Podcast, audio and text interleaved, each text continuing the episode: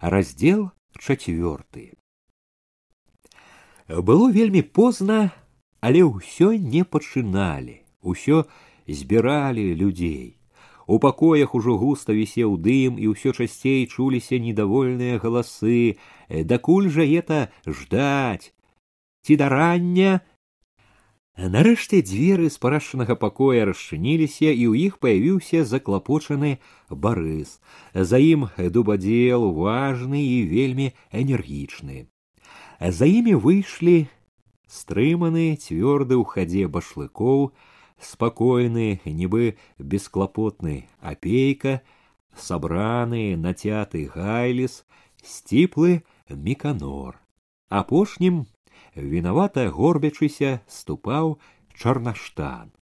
Гоман што прабіваўся там сям адразу апаў але ў суседнім пакоі хтосьці гаманіў. На яго кінуліся нецярплівае шыканне галасы ціхо вы там пачынаецца уже под гэтыя гукі барыс зайшоў за стол. Дак е прапанова выбраць прэзідіум аб'явіў ён у цішыні барыс прачытаў з лістка паперы спіс спрэчак не было прагаласавалі у тым як стрымана ўздымалі руки як пільна маўчалі чакаючы далейшага адчувалася што насцярожанасць яшчэ павастрэла з маўклівай насцярожанасцю сачылі як заходзілі за стол сядалі гайліс апейка башлыкоў нават на сваіх аднавяскоўцаў што ішлі ў прэзідыум глядзелі недаверліва а вы цётко мар'я чаму не ідзеце паглядзеў барыс у пакой ад чаго я там не бачыла адказала пракураным голасам гечыха выбіралі значыць трэба ісці гечыха адрэзала а я не хочу ускінуўся і адразу аціх смех барыса намерыўся ўступіць у спрэчку але пейка даў знак не трэба пачынай сход барыс стрымаўся помаўчаў настроіўся на іншы лад от што мы нарабілі з вами дзядзькі і цёткі пачаў ён засмучона такім тонам быццам запрашаў усіх раздзяліць агульную вялікую бяду нарабілі такое што на ўвесь раён шум пайшоў усё раённае кіраўніцтва кінуло другія справы і зразу прыбыло к нам у глінішча на ўсё глінішча мы палажылі пляму перад цэлым раёнам просто сорамно глядзець у вочы людзям што пра наша глінішча ідзе такая слава што ў нас такі несазнательны народ трэба адумацца пакуль не позна хто шчэ хоча сказаць павёў ён вачыма па зале дай мне устаў з падаконніка дубадзел яшчэ да таго як барыс даў згоду дубадзел рушыў да стала прэзідуума момант стаяў моўчкі сярод нацятай цішыні выцягнуў шыю скінуў галаву рашучы адважны граждане а также гражданки села Глинища. И особенно колхозники, якія учора разобрали свою маёмасць и тем самым вышли с колхоза рассвет. Голос яго быў поўны настойлівасці і закліку. Нервова абцягнуўшы зашмальцаваны картовы пінжачок дубадзел востраплечы з касістым тварам на якім крывіўся торгаўся сіняваты шрам імкліва кінуўся ў наступ тут уже ў сваім выступленні барыс казаченко які выступаў перада мной правильно сказаў што вы сваім учарашнім паступкам паклалі пляму на ўсё сяло але ён не сказаў што эта пляма, якую вы учора паклалі, легла не толькі на ваше сяло, а легла яна і на ўвесь сельсовет, Олешницкий сельсовет, а также и на увесь Юровицкий район. Бо своим поступкам усім тым, што вы зрабілі, а именно тым, што вы самавольно расхватали ў прошлом частных коней і кароў, а также свае ў прошлом частныя калёсы, плугі, бароны і ўвесь іншы абагулены інвентар, вы показалі ўсяму народу, якое у вас яшчэ мужицкое, не колхознае нутро якое думае толькі пра сваю выгаду і якому напляваць на тое, што робіцца ў перадавом э, нашым раёне і ў нашым окрузе, а также ў нашым савецкім саюзе, які ў даны момент акружаны з усіх бакоў рознай буржуазіяй, якая з усіх сіл стараецца задушыць наш Советский Союз, а именно старается, чтоб сорвать нашу пятилетку, нашу индустриализацию и коллективизацию, якія наносяць ёй смяртельны удар.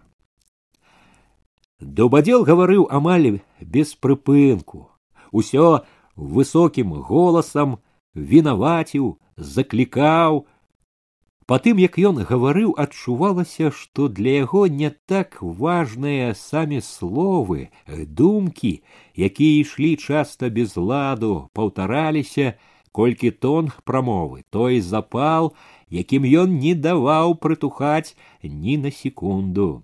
От рэжа, як рэпу грызе, сказаў нехта каляганны ў прыцемку калідора.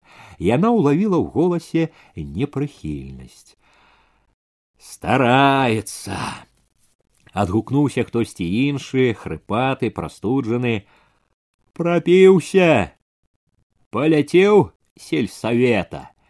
Дак цяпер са скуры лезе. Начальство унь побач сядзіць. Заўважыць можа. А шахрыб і патыліца ўмокла. Патыліца, праўда, мокла ад поту, дубадзела нецярпліва раз пораз выціраў яе далоней. І хрып, што далей, то больш усё часцей вымушан быў прыпыняцца, пракашлівацца але і не думаў канчаць гаворку. Ганна не першы раз дзівілася яго настойлівасці і ўпартасці. Здзіўленне яе, як і ў тых, што смалілі цыгаркі побач у прыцемку, было не толькі без якой-небудзь спагады, а рэзка непрыхільным. За ўсім тым, што гаварыў дубадзел, увесь час адчувала яна жывога яго даўно ўжо і непрыемна знаёмага ёй. Даў жа Бог сілу чалавеку і зацятасць, думала яна з насмешкай, цярпліва чакаючы, калі ж ён зможацца. Водзячы вострым позіркам па тварах людзей, што сядзелі ў пакоі, яна бачыла, што многія з іх таксама амаль не слухалі і чакалі таго ж самага.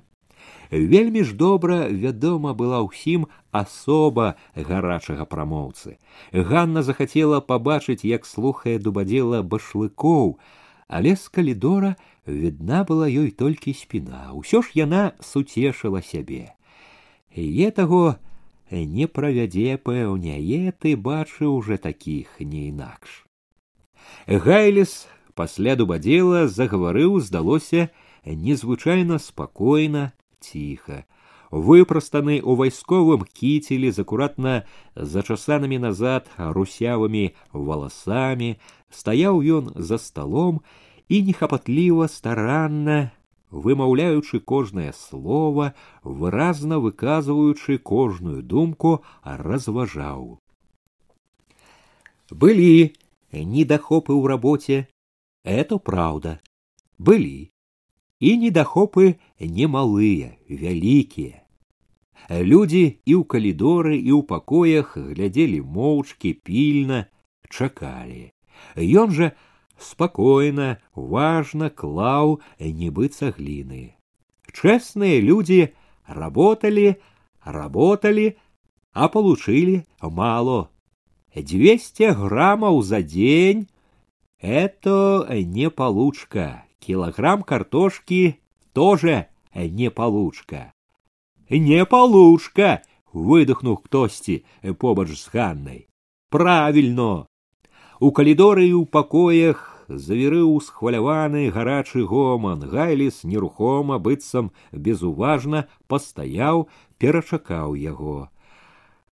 Мало кармоў нарыхтавана павёў ён тым жа роўным важкім голасам скаціну вясной не будет кормить чым соломой кормить трэба будет скотина будет голодать это уже видно кожнае слово латыша адгукалася сярод слухачоў неспакойным гулам у калідоры так гаманілі што ганне цяжка было слухаць хтосьці з мужчын не вытрываў крыкнуў Тихо, бо вы. Слухаючы, як слова за словам, строгі латыш маляваў невясёлае становішча ў калгасе, як рос нядобры гул, башлыкоў адзначыла Ганна нецярпліва павярнуўся да гайліса. Відаць быў нездаволены кірункам яго выступлення але гайліс не заўважыў ці не хацеў заўважаць башлыкоўскага позірку вёў і вёў гаворку пра бядоты няўдалага калгаса толькі дамаляваўшы становішча спыніўся конечно тут дым без агня не бывает нібы падумаў ён услых ёсць усякія прычыны Вина ёсць, вінавато кіраўніцтва калгаса, праўленне, старшыня калгаса таварыш чарнаштан, это правильно. Але голас гайліса памацнеў, набраў упартасці, вінаватыя не толькі яны, не адно кіраўніцтва.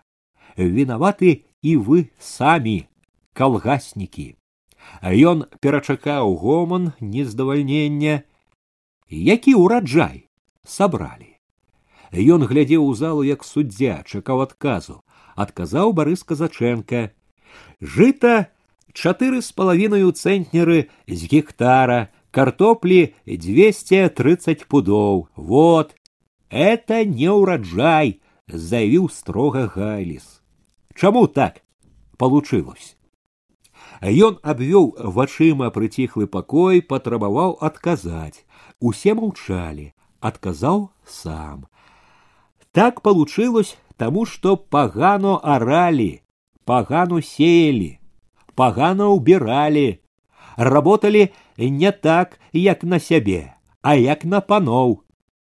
У цебры калідора завязалася нейкая спрэчка ў класе зноў рос гоман, але гайліс не зважаў, вёў сваё. Много добра пакралі зладзеі, а нікога не поймалі. Гайліс судзіў непахісна. У калгасе не было парадку дысцыпліны, а без парадку дысцыпліны няма работы, або ёсць паганая работа ён заявіў горача у калгасе павінна быць добрая дысцыпліна і трэба працаваць як на сябе а не як на паноў скончыў нібы распарадзіўся трэба вярнуцца ў калгас умацоўваць яго калі ён сеў у абодвух пакоях хвалямі хадзіў гоман гаманілі і ў калідоры каля ганны зацята зыркалі цыгаркамі гоман быў чула ганна больш нездаволены але гайліс хоць бы варухнуўся за сталом устаў барыс здаецца багато ахвотнікаў выступіць паявілася у голасе яго была кпіначка дык хто хоча сказаць слово гоман пачаў хутка сціхаць Вочы амаль усіх скіраваліся да барыса, але ніхто не прасіў слова. Няўжо няма нікога. З кпінкай здзівіўся барыс. Столькі шунь гуло. Няхай начальство гаворыць, крыкнуў задзірлівы худы з кепачкай на макаўцы. Начальство уже гаварыло. Добра было б паслухаць трохі і народ. Паслухайце вы, унізаўся злосна галасок. Аге! Зноў пайшоў нядобры гоман.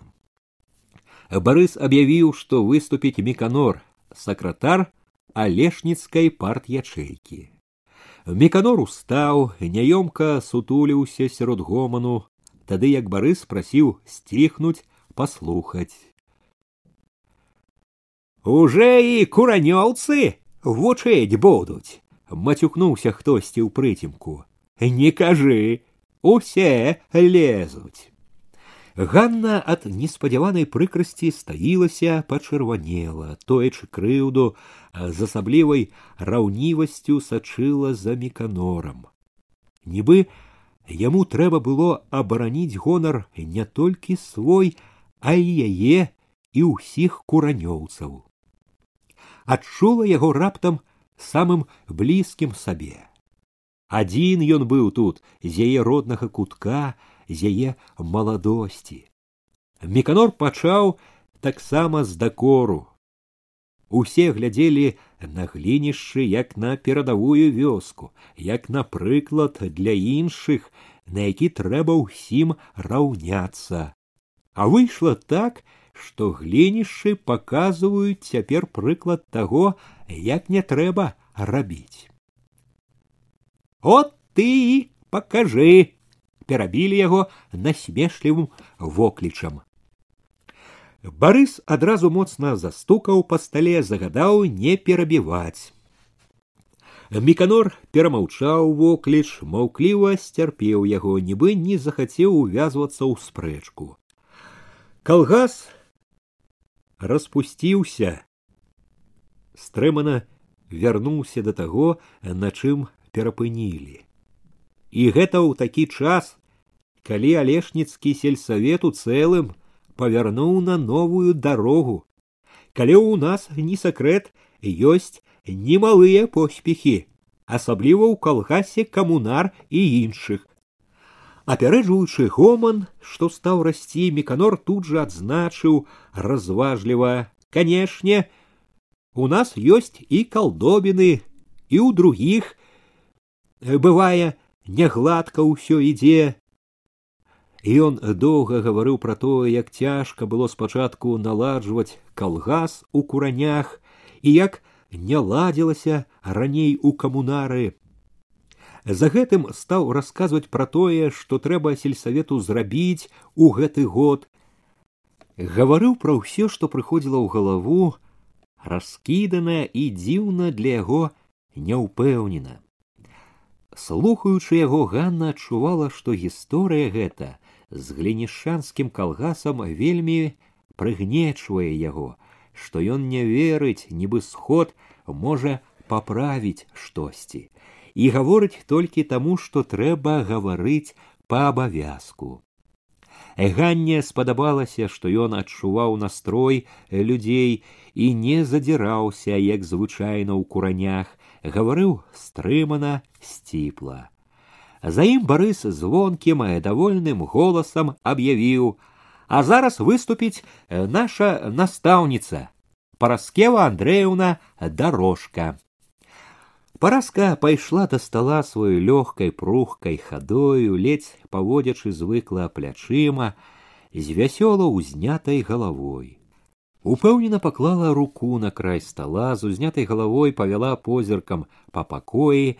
Ганна бачыла проста вачавіткі адбылося незвычайнае, хмурныя недаверлівыя твары па ўсім пакоі яснелі.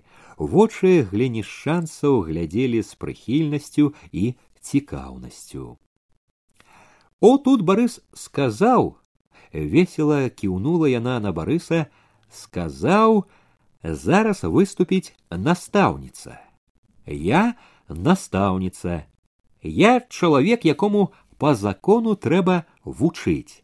Мяне для гэтага рыхтавалі. Мне для гэтага далі многа розных парад. Параска ўсё трымалася таго ж даверлівага вясёлага ладу. Вядома, могуць знайсціся такія разумныя людзі, якія скажуць, што я не наогул настаўніца, а школьная настаўніца, што моя задача адна вучыць школьнікаў, ды яшчэ школьнікаў пачатковай школы, самых малых. Але так могуць казаць толькі людзі, якія носа не высоўвалі з горада, не ведаюць, хто такі настаўнік у вёсцы.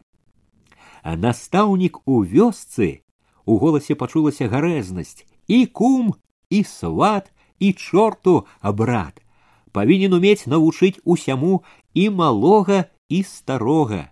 Ён не можа сядзець толькі ў школе і не бачыць таго, што робіцца на вуліцы.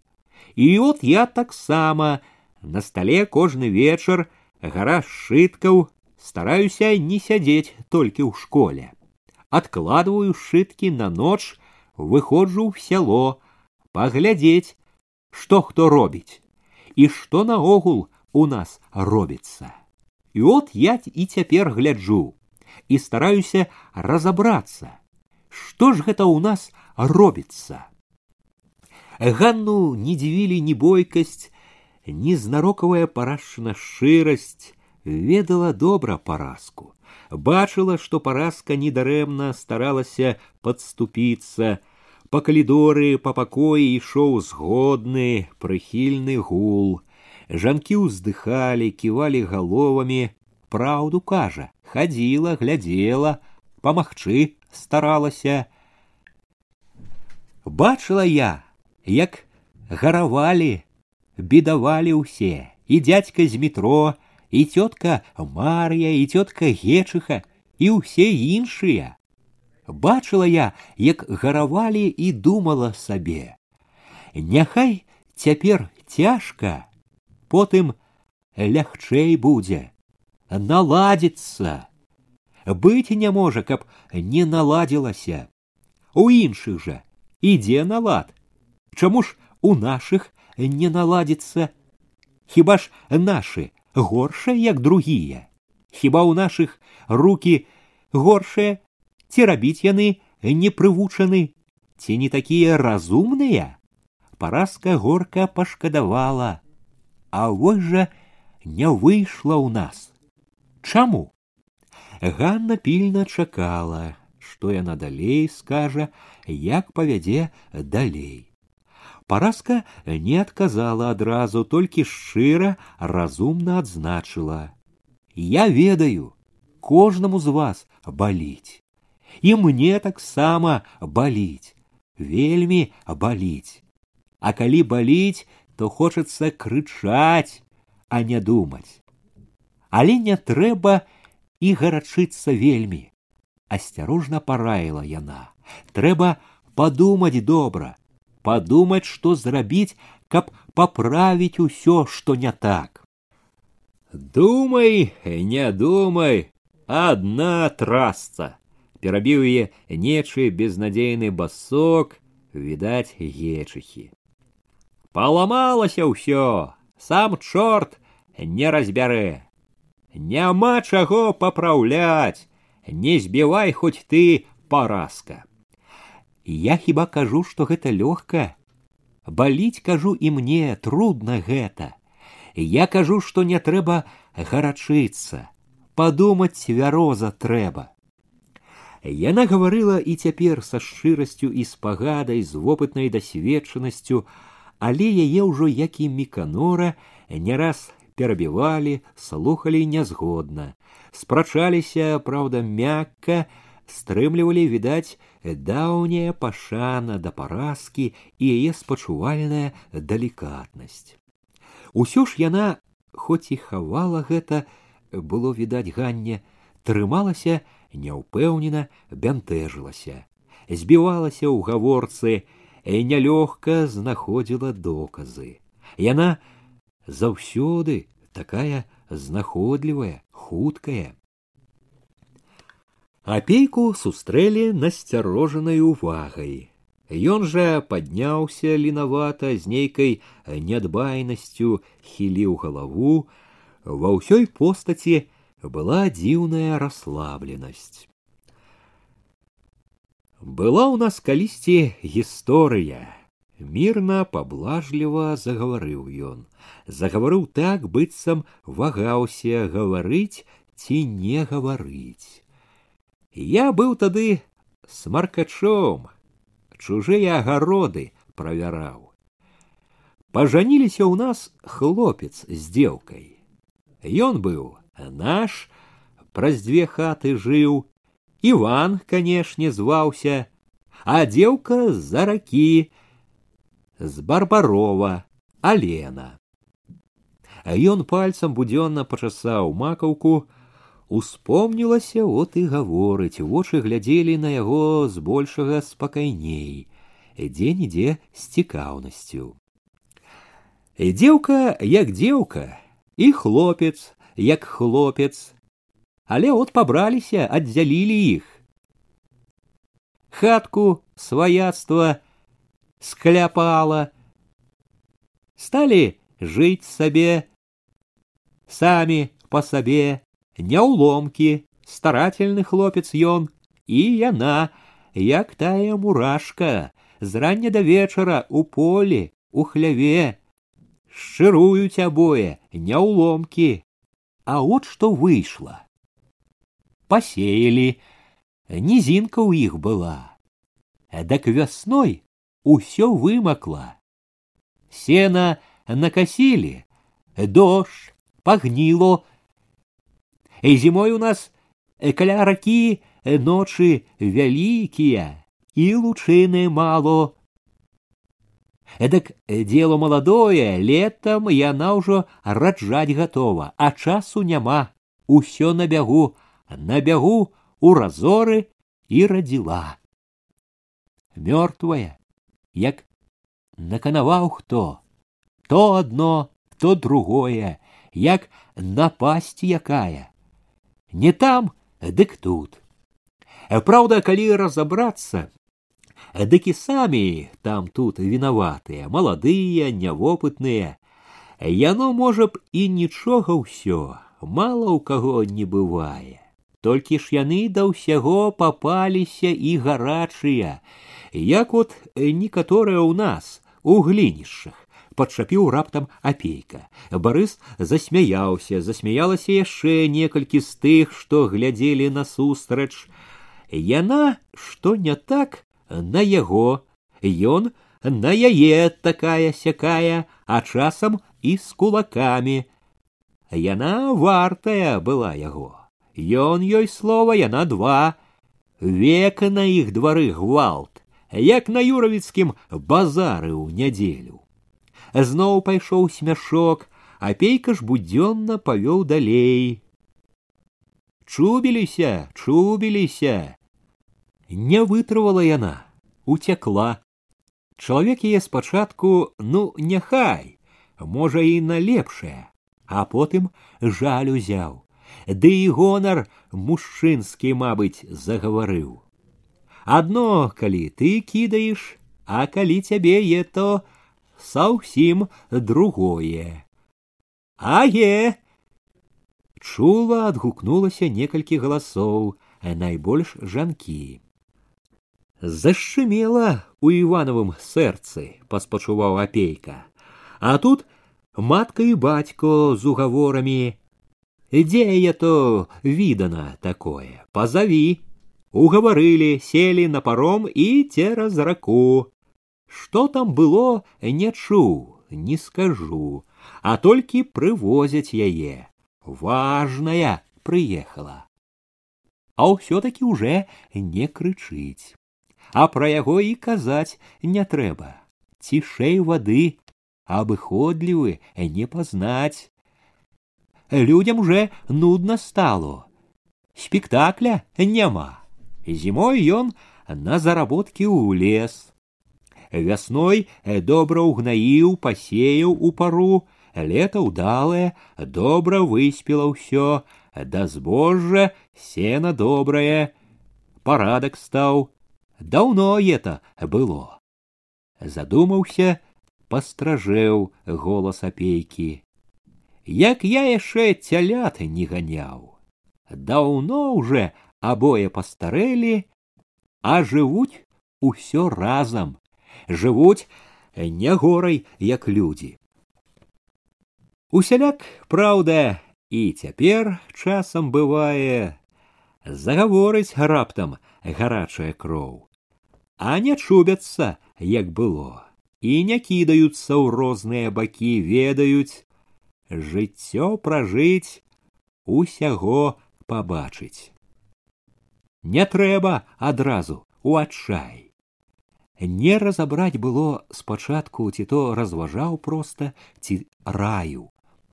Усякая гаспадарка цяжка зладжваецца. Не адразу бывае ўсё складна выходзіць. Трэба часам прыцерціся, як кажуць. Это што да сям'і да двух чалавек. А што казаць уже пра вялікую гаспадарку, пра калектыў, Ён помаўчаў, як бы даваў падумаць пра тое, што сказаў, ці збіраўся з думкамі. От тут я і хацеў бы сказаць, што думаю пра ваш калгас. Ён гаварыў па-ранейшаму будзённа, але ўжо вельмі сур'ёзна, значна. Вы можете сказаць, што позна. Аднак я думаю, агледзецца з толкам не позна ніколі. Трэба разабрацца, высветліць усё, трэба выясніць, што ж такое здарылася. У чым прычына, што так здарылася. Я згоден з тым, што сказаў таварыш Гайліс пра ўраджай і пра дысцыпліну. Я лічу, што таварыш Гайліс асабліва правільна сказаў вялікая віна ва ўсім кіраўніцтва. У тым ліку і наша віна, што не паправілі ў час, не папярэдзілі. Мы з гэтай няўдачы зробім вывады, мы паправім памылкі. Ён павёў вачыма па ўсіх, хто быў у прэзідыуме, як бы паказваючы тое, пра што ён гаворыць, усе гатовы ўзяць на сябе. Чарнаштан глядзеў з-пад лба на стол, выгляд быў такі, як бы яго гняла гэта віна найбольш, як на суде падсудны. Гайліс таксама здавалася гатоў быў узяць сваю частку віны. Башлыкоў падобнай віны за сабой не бачыў. Апейка нібы не заўважыў гэтага, кіўнуў у залу, от прызнаём сваю віну. Але і вы павінны прызнаць свае. Ён, аднак не стаў ушчуваць надта. Нашто перабіраць тое, што было, яно і так добра вядома, вінаваты ўсе, лепш падумаць разам, як зрабіць, каб не было такога. От я і хацеў даць парады на будучае. Што трэба ўлічыць вам на будучае? Першае, раю ён па-сяброўску, не карміць болей гультаёў і трутняў, карміць толькі тых, хто дае карысць. Падолі той карысці, якую кожны дае. Хто больш, таму больш, хто менш, таму менш, а таму, хто бокі абіваў, дулю, неспакойны гул ухваліў яго. Трэба паставіць добры ўлік, усё лічыць працу, прыбытак, палучку, кожную капейку, кожны грам на ўлік. Усім у каго руки лішне доўгія па руках адным словам кантроль ва ўсім строгі кантроль калі не ўстановіце кантроль усё прападзе ніякага добра не хопіць от хітры подумала ганна гаворыць так нібы яны яшчэ ў калгасе по калгаснаму настрайвае заўважыла прамова апейкі растрывожыла людзей, ішоў гоман, чуліся воклічы, але воклічы былі нейкія дзелавітыя. Папракалі, кормілі трутняў, разбазарвалі добро. Хто рабіў, хто не рабіў усё адно, кожнаму палачка. Хто ўрваў, то і спажыў. Якая тут ахвота старацца, карак гнуть. Усё ветрам пайшло. Э, калі барыс устаў гоман воклічы пачалі хутка спадаць ён дачакаўся поўнай цішыні важна як асаблівую падзею аб'явіў а зараз выступіць сакратар райкома таварыш башлыкоў вочы ўсіх мноства вачэй глядзелі толькі на яго.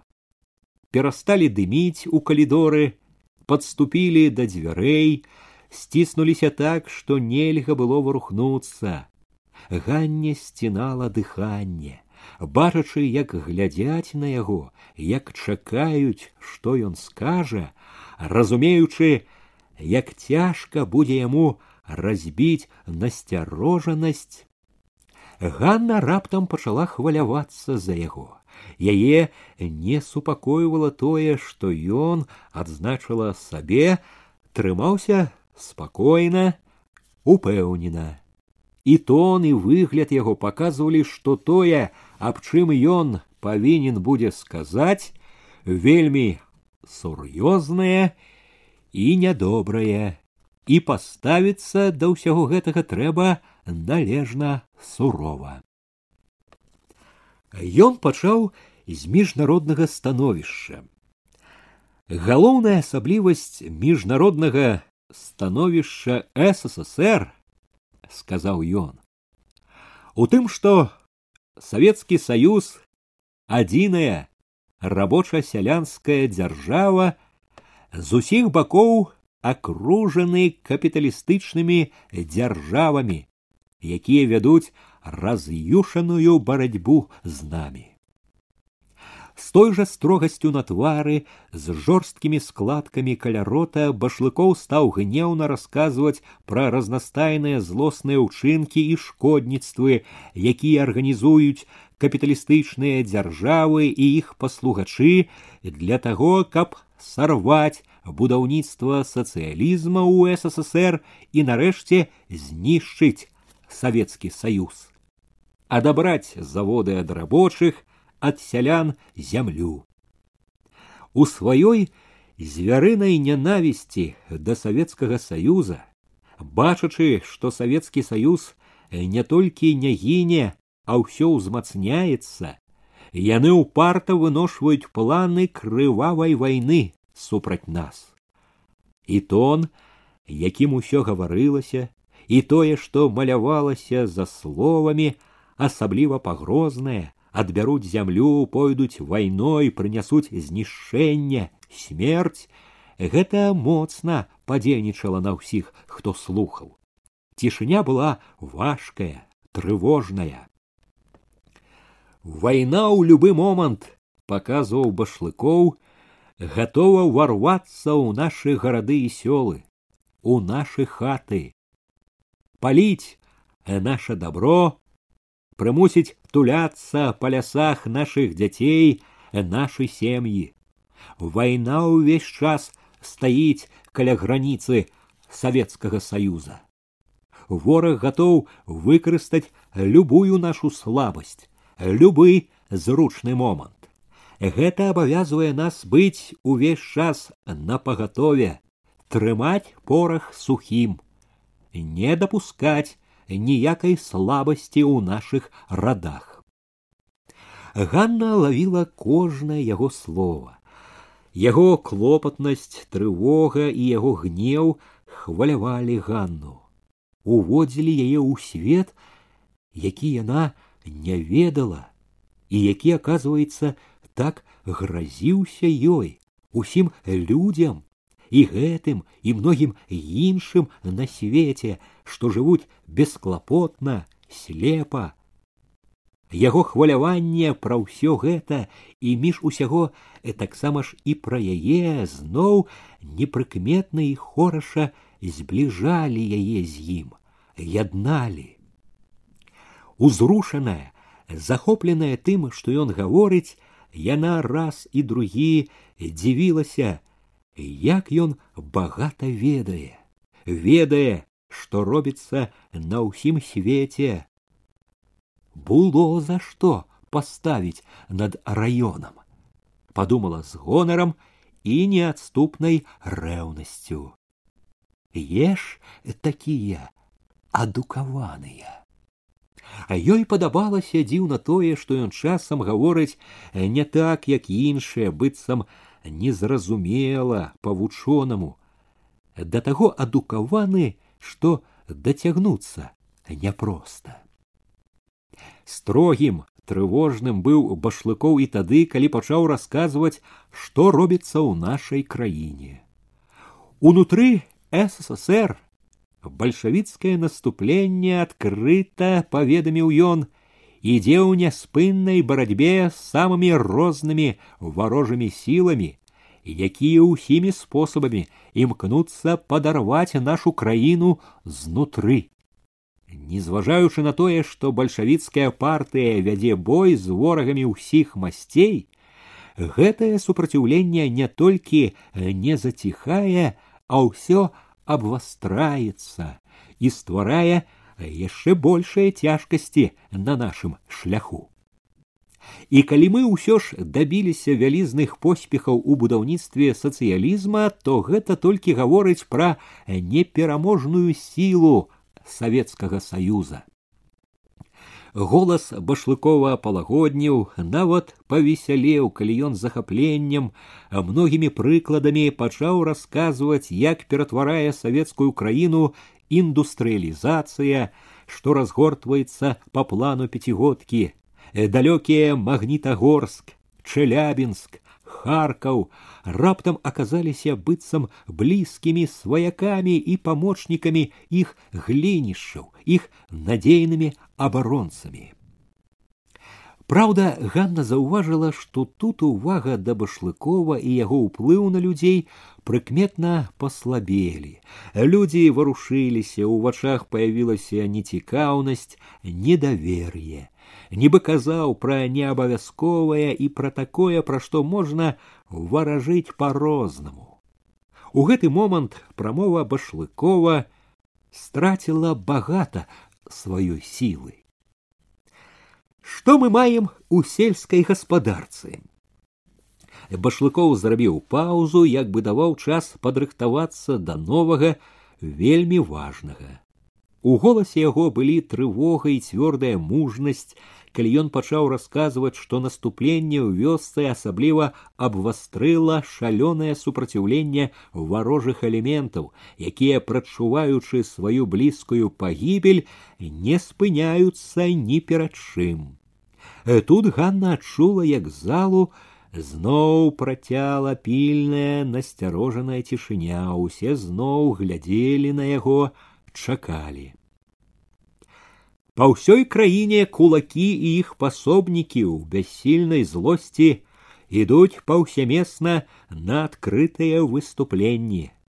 Паляць калгасныя пабудовы, дамы сельскіх актывістаў, страляюць з абрэзаў селькораў. Яны думаюць, што гэтым звярыным тэрорам запалохаюць нас, сарвуць калектывізацыю Голас башлыкова набыў сілы. Башлыкоў заявіў цвёрда дарэмна яны разлічваюць на гэта бальшавікі не спалахлівага дзесятка. Кулацкая барацьба яшчэ больш згуртоўвае нашы рады рады бальшавікоў і перадавога сялянства сіла яго слоў чула ганна была не так у саміх словах, як у тым, што было за гэтымі словамі, у тым пачуцці, з якім яны былі зліты. Заўсім адчувалася шчырая, непахісная перакананасць, адданасць, якая прымушала прыціхаць недавер'е многіх, а Ганну проста звала, захапляла. А такога гарачага пераканання яна яшчэ не адчувала ні ў кога. Ад гэтага да ўсяго прымешваўся непатрэбны раўнівы сум. Па ўсёй краіне загаварыў ён раўней, але ўсё з той жа перакананасцю нечуванымі тэмпамі разгортваецца масавая калектывізацыя. Па ўсяму савецкаму саюзу ёсць ужо не толькі такія раёны, дзе калектывізавана больш за 50 процентаў, але ёсць і раёны суцэльнай калектывізацыі. Такія раёны ёсць у паволжы, на кубані, на Украине, у важнейших зерновых районах СССР. Ёсць такія раёны і ў нас, у Беларусі, напрыклад, клімавіцкі раён. Ідзе справа да суцэльнай калектывізацыі і ў нас. Мы паставілі пытанне аб тым, голас башлыкова зноў набыў асаблівую значнасць, каб і наш юравіцкі раён уключили ў вышэйшую групу па калектывізацыі і ў ЦК падтрымалі нас. Мы ўзялі ударную бальшавіцкую задачу. Да вясны наступнага 1930 года калектывізаваць раён на ўсе сто процентаў. Мы паставілі гэту задачу загаварыў башлыкоў моцна, нібы вылучыў, і мы яе выканаем, нягледзячы ні на што. У пакоях у калідоры была цішыня. Быў момант, здалося ўсіх апанавала здранцвенне. Перасталі раптам дыміць цыгаркамі, сапці побач, з павагай і раўніва Ганна адчула, гэты зробіць. Што захоча зробіць. От сіла. У гэтым святле ўсім павінна быць ясна голас яго пацішэў стаў дзелавіта стрыманым якое значэнне надае райком таму што адбылося ў вашым калгасе гэта удар па ўсяму раёну Товарыш дубадзел правильно сказаў. Таму мы павінны прынцыпова ўскрыць прычыны, якія давялі да ўсяго гэтага. Тут таварышы, якія выступалі, называлі розныя прычыны, каб вытлумачыць тое, што здарылася, чаму разваліўся калгас. Яны назвалі многа прычын. У голасе башлыкова пачулася стрыманая насмешка але не назвалі галоўнай. Галоўная прычына не будем заплюшваць вочы, назовем рэчы сваімі імёнамі. Сур'ёзная, палітычная. Калгас распаўся, загаварыў башлыкоў, вылучаючы кожнае слово у выніку варожай дзейнасці. Калгас подорвали яўнымі і скрытымі метадамі кулацкія элементы. Таму тое, што адбылося тут, райком разглядае як палітычную з'яву, якая патрабуе палітычных вывадаў і мер, бязлітасных мер. Варожыя сілы ўсіх масцей, загаварыў ён выразна дужа, дзейнічаюць шырокім фронтам, яны дзейнічаюць у міжнародным маштабе і на ўнутраным фронте яны не грэбуюць нічым, каб падарваць нас. Яны шкодзяць нам і ў вялікіх дзяржаўных справах і ў малых, у любым сяле, у любым калгасе. Класавы вораг дзейнічае. І мы таксама голас башлыкова ўсё цвярдзеў будем дзейнічаць мы будем бязлітасна біць па ворагу і яго пасобніках, дзе б яны не вылезлі. У святле ўсяго таго, што я сказаў, башлыкоў было відаць, сабраўся канчаць. Райком заклікае ўсіх калгаснікаў вёскі глінішча вярнуцца ў калгас, аднавіць яго, ударыць па ворагу нашай аб'яднанай сілай, калгасам. Ён сеў, была цішыня, хоць бы хто кашлянуў, хоць бы варухнуўся хто была разгубленасць перад ім перад сілай і праўдай якую выставіў ён і якую раптам адчулі так моцна. Потым ганна заўважыла як з калідора перасталі ціснуць пачалі адступаць ад дзвярэй у цемру заварушыліся ў пакоі задымілі хтосьці закашляў. Схамянуўся узняўся барыс.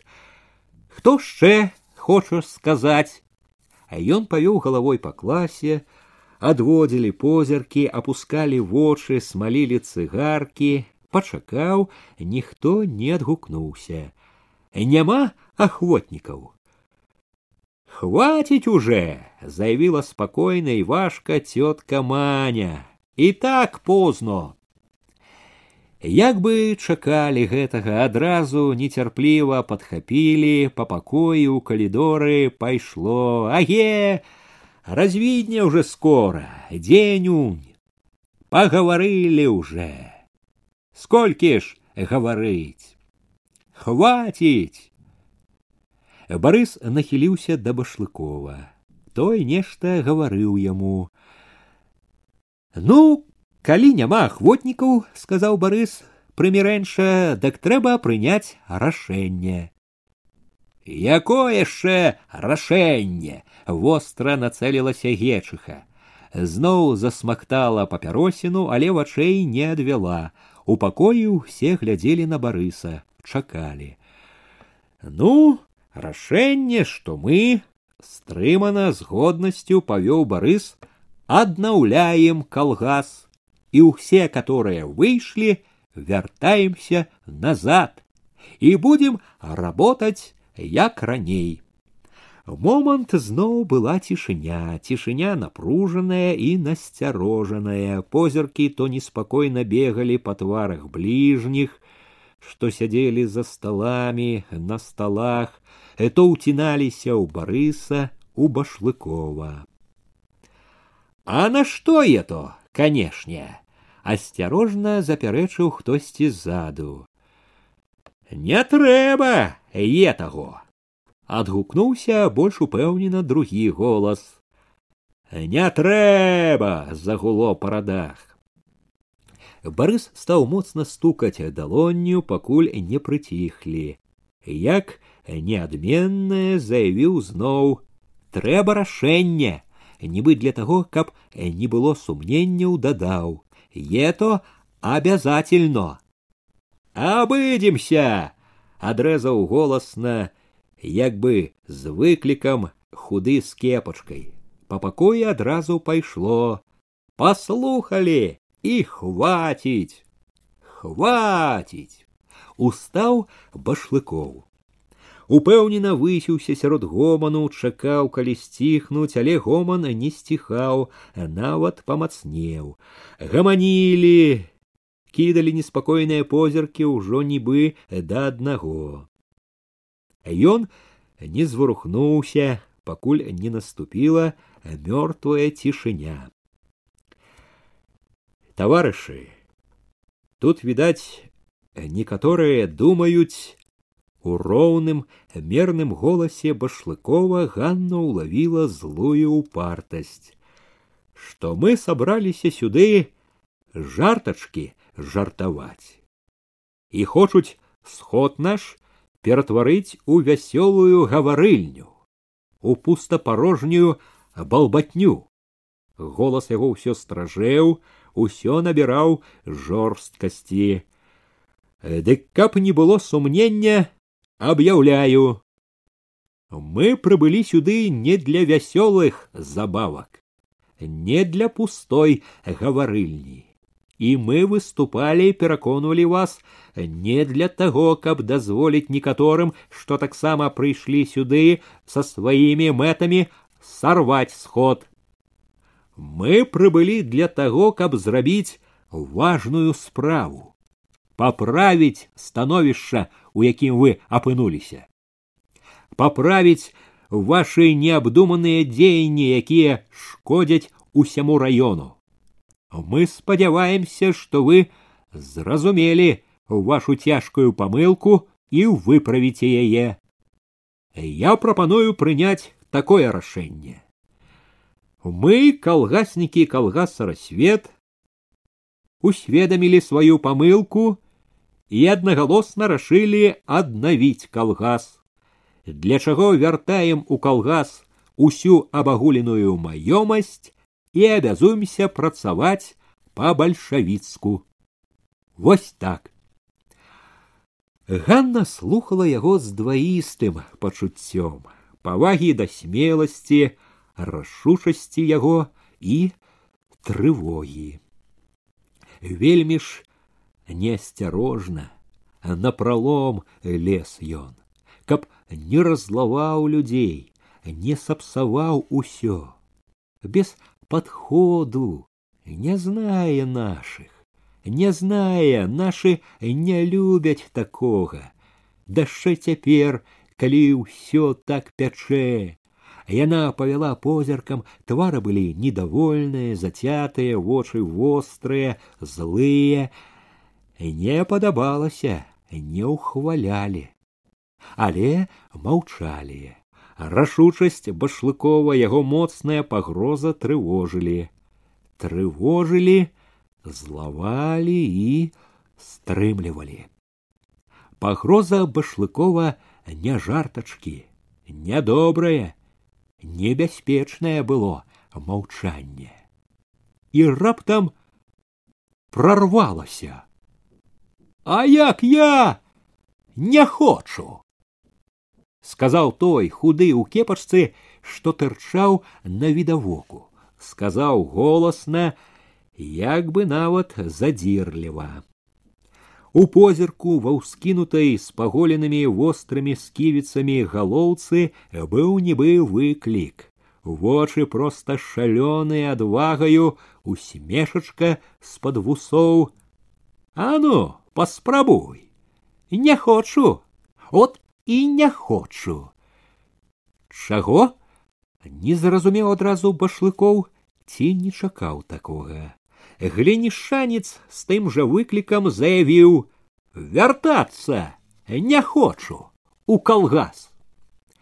Башлыкову не далі сказаць спачатку беражліва, а потым усё больш вольна, злосна рынулася: няма такога права заставлять. Это так треба силою. Поспытали уже, хватило, не хочем, не вернемся. Няхай другие попробуют, а е, которые не були.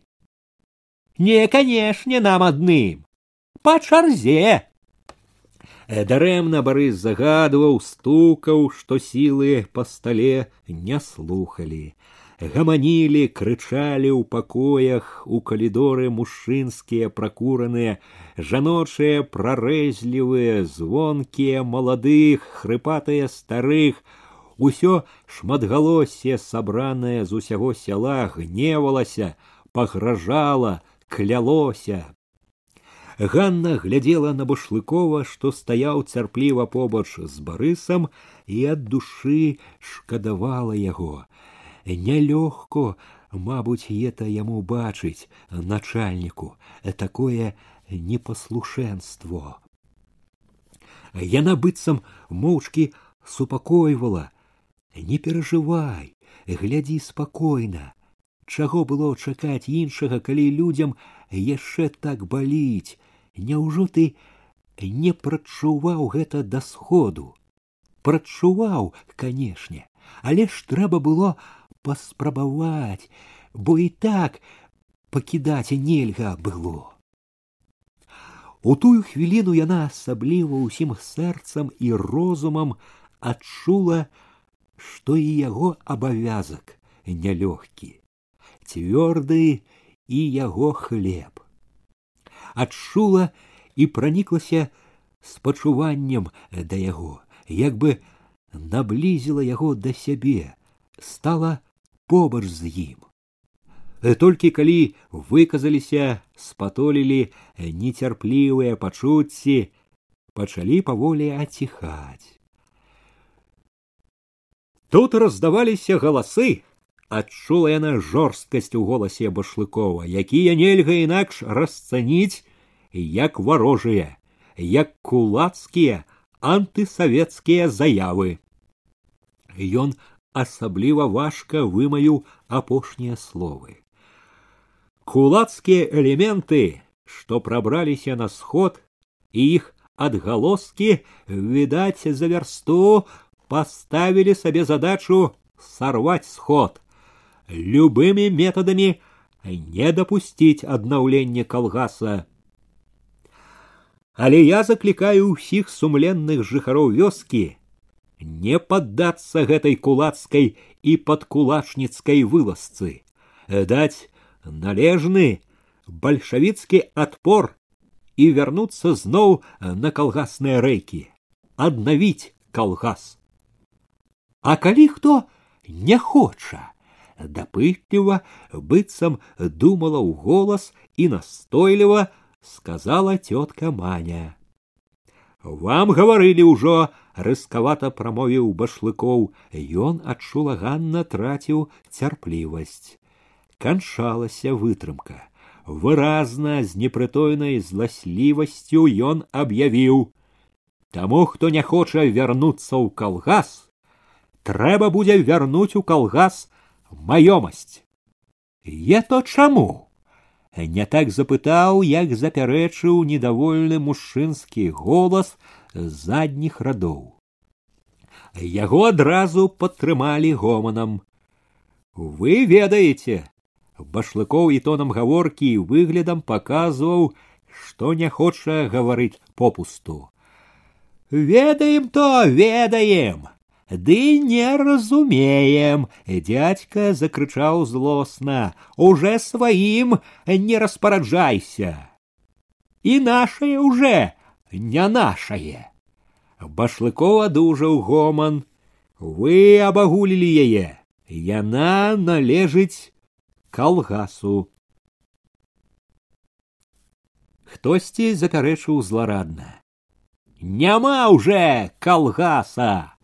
башлыкоў коротко непахісна адрэзаў гэта калгасная маёмасць калгасная аге хтосьці мацюкнуўся на ўвесь пакой гарачыя галасы прарэзаў нахабны свіст не вернем пачуўся крык не аддадзім нашае башлыкоў не стрымаўся паддаючыся агульнаму крыку адужваючы яго поўны гневу распарадзіўся маёмасць усю неабходна вярнуць відаць адчуў што гэта не падзейнічала падмацаваў сябе пагразіўся усе хто не верне будуць адказваць прыцягнем да строгай адказнасці яго пагроза подлила масло в огонь. Засудите за наше ж доброе? Арыштуеце? За что? За тое, што ўступалі? Усіх не арыштуюць, крыкнуў нахабна са здзекам пярэдні з кепачкай. Башлыкоў, разгневаны непаслушэнствам, заўважыў гэты крык. Леце барыс прыцішыў галас, башлыкоў накінуўся на дядьку. Гэта варожы голас. Кулацкі голас. Вы хто? Я свердзел, адказаў дядька. У вусах затаілася усмешка. Гэта што? прозвішча башлыхоў прыціх раптам страціў упэўненасць так імянуюць Дядька адчуў увагу на сабе яшчэ пасмялеў, як бы насміхаўся. Свердзел, значыць, свердзел. Празвалі так, памог башлыкову барыс. Прозвішча яго чарняк з метро. Башлыкоў момант вагаўся, непрыемная выйшла сітуацыя.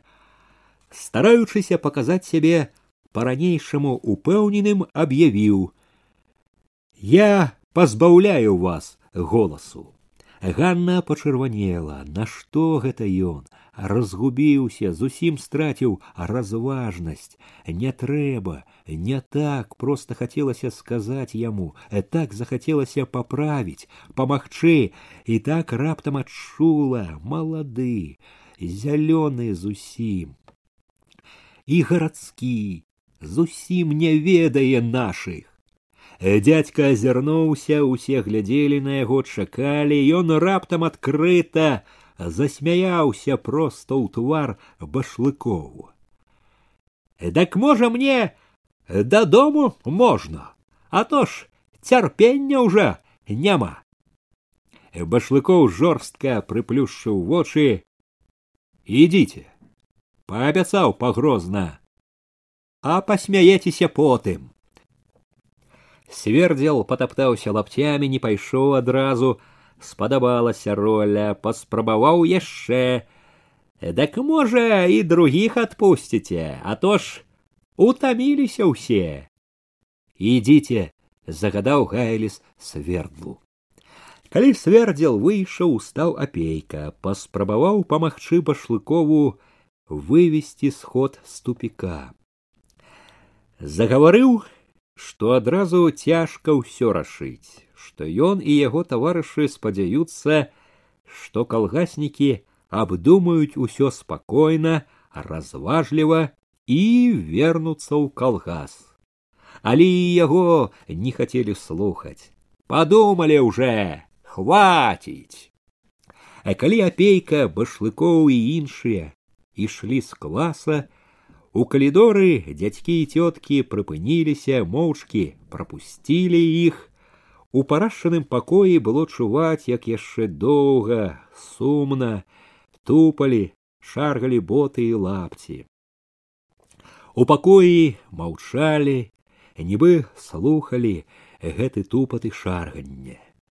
Башлыкоў стаяў адасоблена ад іншых, засяроджаны, затоены з невядомымі нядобрымі думкамі.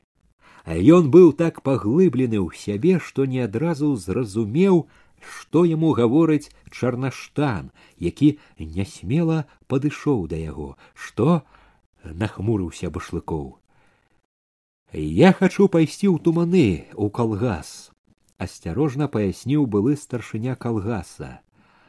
Рахунка водам могуць узяць эдак ці можна ідзіце кім хочаце башлыкоў упершыню падняў позірк на чарнаштана позірк быў цяжкі не зычыў добра э толькі спачатку адчытайцеся за сваю дзейнасць камісіі з раёна а ён павярнуўся пашукаў вачыма па пакоі важка пайшоў да міканора і гайліса.